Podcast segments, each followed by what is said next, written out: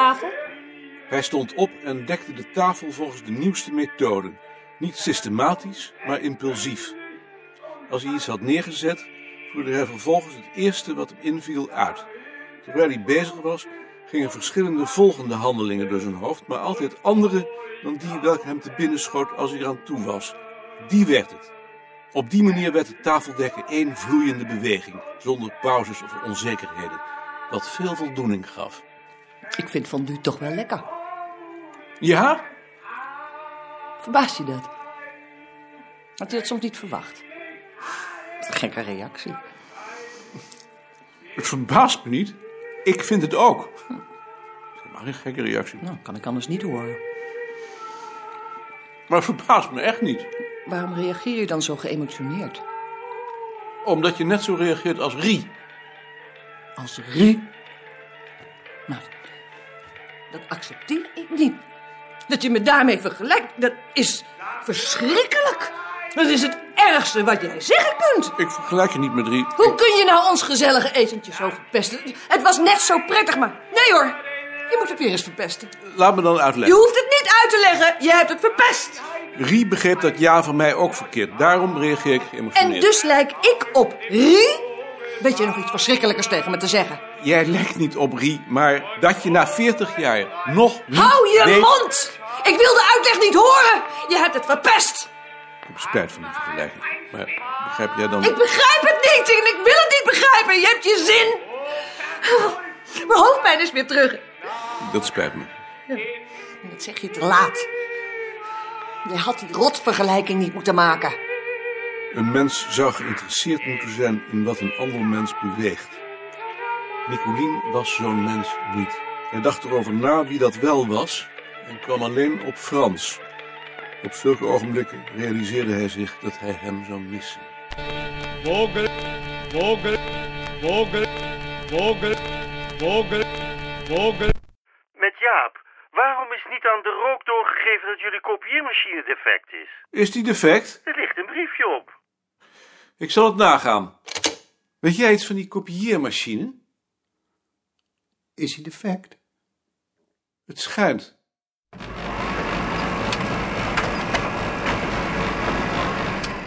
Met de rook? Meneer de Rook, met Koning. Het schijnt dat onze kopieermachine stuk is. Kunt u daar iemand naar laten kijken? Stuk? Ik ga eerst wel eens zelf kijken. Graag. Het loopt tegenwoordig als een trein.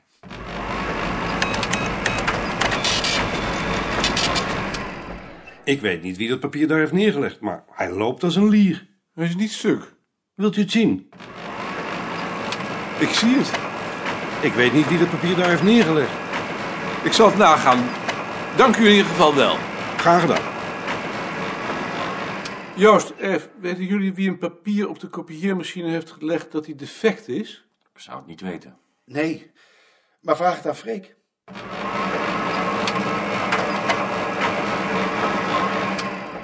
Freek, heb jij dat papier op de kopieermachine gelegd dat hij defect is? Nee, maar ik weet wel wie het gedaan heeft. Ik was het niet en ik was het er ook niet mee eens. Wie was het dan? Rie, En wat was haar motief? dat ze zich ergerde aan het geluid van de wagen. Dank je.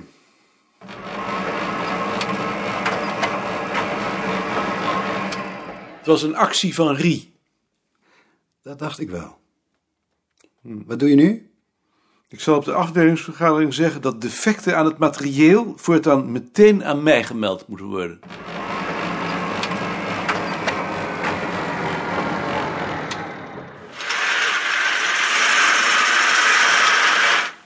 Hoe gaat het? Wat hebben ze precies met je gedaan? De lymfklieren uit mijn liezen verwijderd. En mijn been doorgespoeld met een zwaar vergif dat dat gezwel moet oplossen. En hoe voorkomen ze dan dat dat vergif in je lijf komt? Ze zetten het af.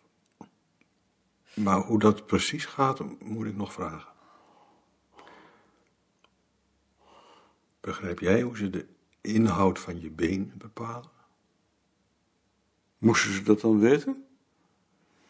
Dat schijnt nogal nauw te luisteren. Het eh, lijkt me niet eenvoudig. Zo'n been is natuurlijk niet overal even dik. Daarom. Ik heb nog aan de wet van Archimedes gedacht. Daar dacht ik ook aan. Maar hoe zorg je ervoor dat de rest niet ook in het water komt? Je zou een laars moeten maken die tot je lies reikt. En die vullen met water. Nee, eerst je been erin en dan het water. Maar zo hebben ze het niet gedaan. Ik moet dat ook nog maar vragen. Vermoeit het je? Dan gaan we weer weg. Nee, dan zal ik het wel zeggen. Ik doe alleen af en toe mijn ogen even dicht. Dat mag toch wel? Niet waar? Ja, natuurlijk. Ik lig hier zeker nog een half jaar. Toen ik hier kwam, heb ik s'nachts nog voor heel wat opschudding gezorgd. Toen ik van het toilet kwam, had ik vergeten mijn sloffen uit te doen. En toen raakte ik in paniek. Ik dacht dat mijn bed nu niet meer steriel was. Nogal stom. Vind je niet? Nee hoor. Nee. Hoe reageerde de verpleegster? Die lachte me uit. We hebben met Kees afgesproken dat wij roodje zullen nemen. Dat heeft hij me verteld. Als dat maar goed gaat met jullie katten. Nou, natuurlijk gaat het goed. Hij lijkt precies op Josephine, dus ze zien niet eens dat er nog één is. Behalve Josephine, dan toch. Die denkt dat ze in de spiegel kijkt. Zullen we nu maar niet gaan? Ik geloof dat Frans moe is. Ja, we gaan. We komen gauw weer terug. Dag. Dag. Dag.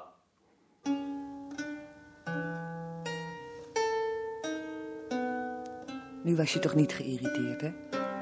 Nee, als hij zijn kop maar niet in het zand steekt. Dat vind ik benauwend. Jaring, je bent weer beter. Ik wou het maar weer eens proberen. Ben je ook bij de vergadering van de instituutsraad vanochtend? Ik had eigenlijk liever dat Freek me dit keer nog vervangt, als dat schimzwaar is. Nee, waarom zou dat een bezwaar zijn? Dan wel graag. Ik heb je brief aan Rie gelezen. Ja, En ik zou eigenlijk wel graag zien dat je hem rondstuurde. d- daar heb ik hem eigenlijk niet voor geschreven. Dat zal wel. Maar in de eerste plaats sturen we hier alles rond. Omdat ik op het standpunt sta dat we geen geheimen voor elkaar horen te hebben. En in de tweede plaats heb je een duidelijke kritiek op mijn beleid. Ik kan me voorstellen dat je daarin niet alleen staat. Jouw brief kan dan als kristallisatiepunt dienen. En als mocht blijken dat er een meerderheid is die er ook zo over denkt, dan treed ik af. En dan kun jij bijvoorbeeld mijn plaats innemen. Of een ander. Dat was natuurlijk de bedoeling niet. Dat is best mogelijk, maar waarom zou het niet de consequentie zijn? Dan zou ik hem toch eerst nog eens over moeten lezen, want hij staat me nu niet meer zo voor. Als je wilt. En ik denk dat ik hem dan toch in ieder geval wat zal afzwakken. Dat zou ik zeker niet doen. Dat zou ik heel jammer vinden. Het gaat er nou juist om dat de anderen hem te lezen krijgen zoals jij hem aan Rie geschreven hebt. Anders circuleren er op een gegeven ogenblik twee versies. Dat zou natuurlijk idioot zijn. Ik moet er toch eerst nog over denken. Goed, doe dat dan. Maar denk niet te lang, want dan is iedereen alweer vergeten waar het over ging. Je bent toch wel bij de afdelingsvergadering? Dat was wel de bedoeling. Misschien weet je het dan. Ik zou het maar doen. Die bedrieger die komt nooit weer. Die bedrieger die komt nooit weer. Behaald. Maarten, Wat doen we nog straks met dat voorstel van volkstaal? het lijkt me moeilijk met deze directeur. Ze rusten niet voor ze de hele derde verdieping hebben, terwijl ze in de tijd bij de verdeling van het gebouw hemel en aarde bewogen hebben om maar beneden te mogen zitten. Ik zou geloof ik proberen om het nog wat te rekken. Zo lang is Balkan niet meer. God geklaagd, ze claimen negen ruimte omdat ze met z'n tienen zijn. En ze houden zich geen moment mee bezig dat er voor ons dan maar acht overblijven, terwijl wij met z'n veertienen zijn. En dan reken ik Bart nog niet eens mee. Nou, in ieder geval zal ik me verzetten. Ik heb overigens aan Jaring gevraagd om die brief die hij aan Rie heeft geschreven rond te sturen. Wat zei hij daarop? Hij zal erover denken. Dat doet hij vast niet.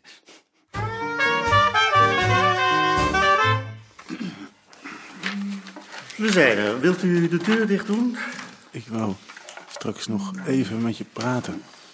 Over een koffiepraatje. Ja, straks. Heeft iemand vragen of opmerkingen over de notulen? Dan zijn de notulen gearresteerd met dank aan de notulisten. Ik tel vier agendapunten. Een voorstel van volkstaal voor een herindeling van de ruimte. Een evaluatie van de werktijdenregistratie. Nieuwe maatregelen tegen insluip en diefstal. En het verslag over de voortgang van de automatisering. Verslag en voorstel zijn bijgevoegd. Punt 1. Het voorstel van de afdeling volkstaal. Meneer Pastoors, wilt u dat nader toelichten? Moeten we ook niet over jouw opvolging praten? Daar zie ik de zin niet van in. Dat zullen wij toch ook ingekend moeten worden? Daar is nog tijd genoeg voor. Laat eerst de wetenschapscommissie zich maar eens uitspreken. Meneer Pastoors. Wetens. Het staat toch eigenlijk allemaal in dat stuk dat ik heb rondgestuurd. Moet, sorry, moet ik dat nou nog een keer doen? Vat het maar samen. Op het ogenblik zitten we dus verspreid door het hele gebouw. En in plaats daarvan zouden we met de afdeling naar de derde verdieping willen. Ook voor de onderlinge samenhang en het, en het efficiënter functioneren. Dat zou bovendien het voordeel hebben dat de voorkamer op de, op de begane grond vrijkomt en bij de bibliotheek kan worden getrokken. Daar zouden dan ook de bezoekers kunnen worden opgevangen. Eerst pastoors. We hebben dat bekeken en de situatie is op het ogenblik zo dat er op de bovenverdieping eh, tien kamers zijn. Drie voor, drie achter en, en vier in het midden. Daarvan hebben wij er nu al vier. Twee staan leeg en de andere vier worden gebruikt door Kloosterman, Bekenkamp en Volkscultuur. Er was toch sprake van dat van die drie kamers aan de achterkant vijf kamertjes zouden worden gemaakt? Dat zou u toch met de Rijksgebouwendienst opnemen, meneer De Rook? Daar is nog geen beslissing over genomen. Pastoors. Eh, zolang er nog geen beslissing is genomen, gaan we uit van, van drie kamers. Eh, ja, jezus, waar was ik? Wat verdorie, waar was ik nou ook weer? Ja, maar er zijn dus, even recapituleren, tien kamers. Oh ja, we zijn met z'n tienen. Daarvan zijn er dus zeven wetenschappelijke ambtenaren. Die moeten een eigen kamer hebben. Plus één kamer voor opslag en één kamer voor het administratief personeel. Maakt negen. Dat betekent dan dat de huidige bewoners drie van de vier kamers zouden moeten ontruimen.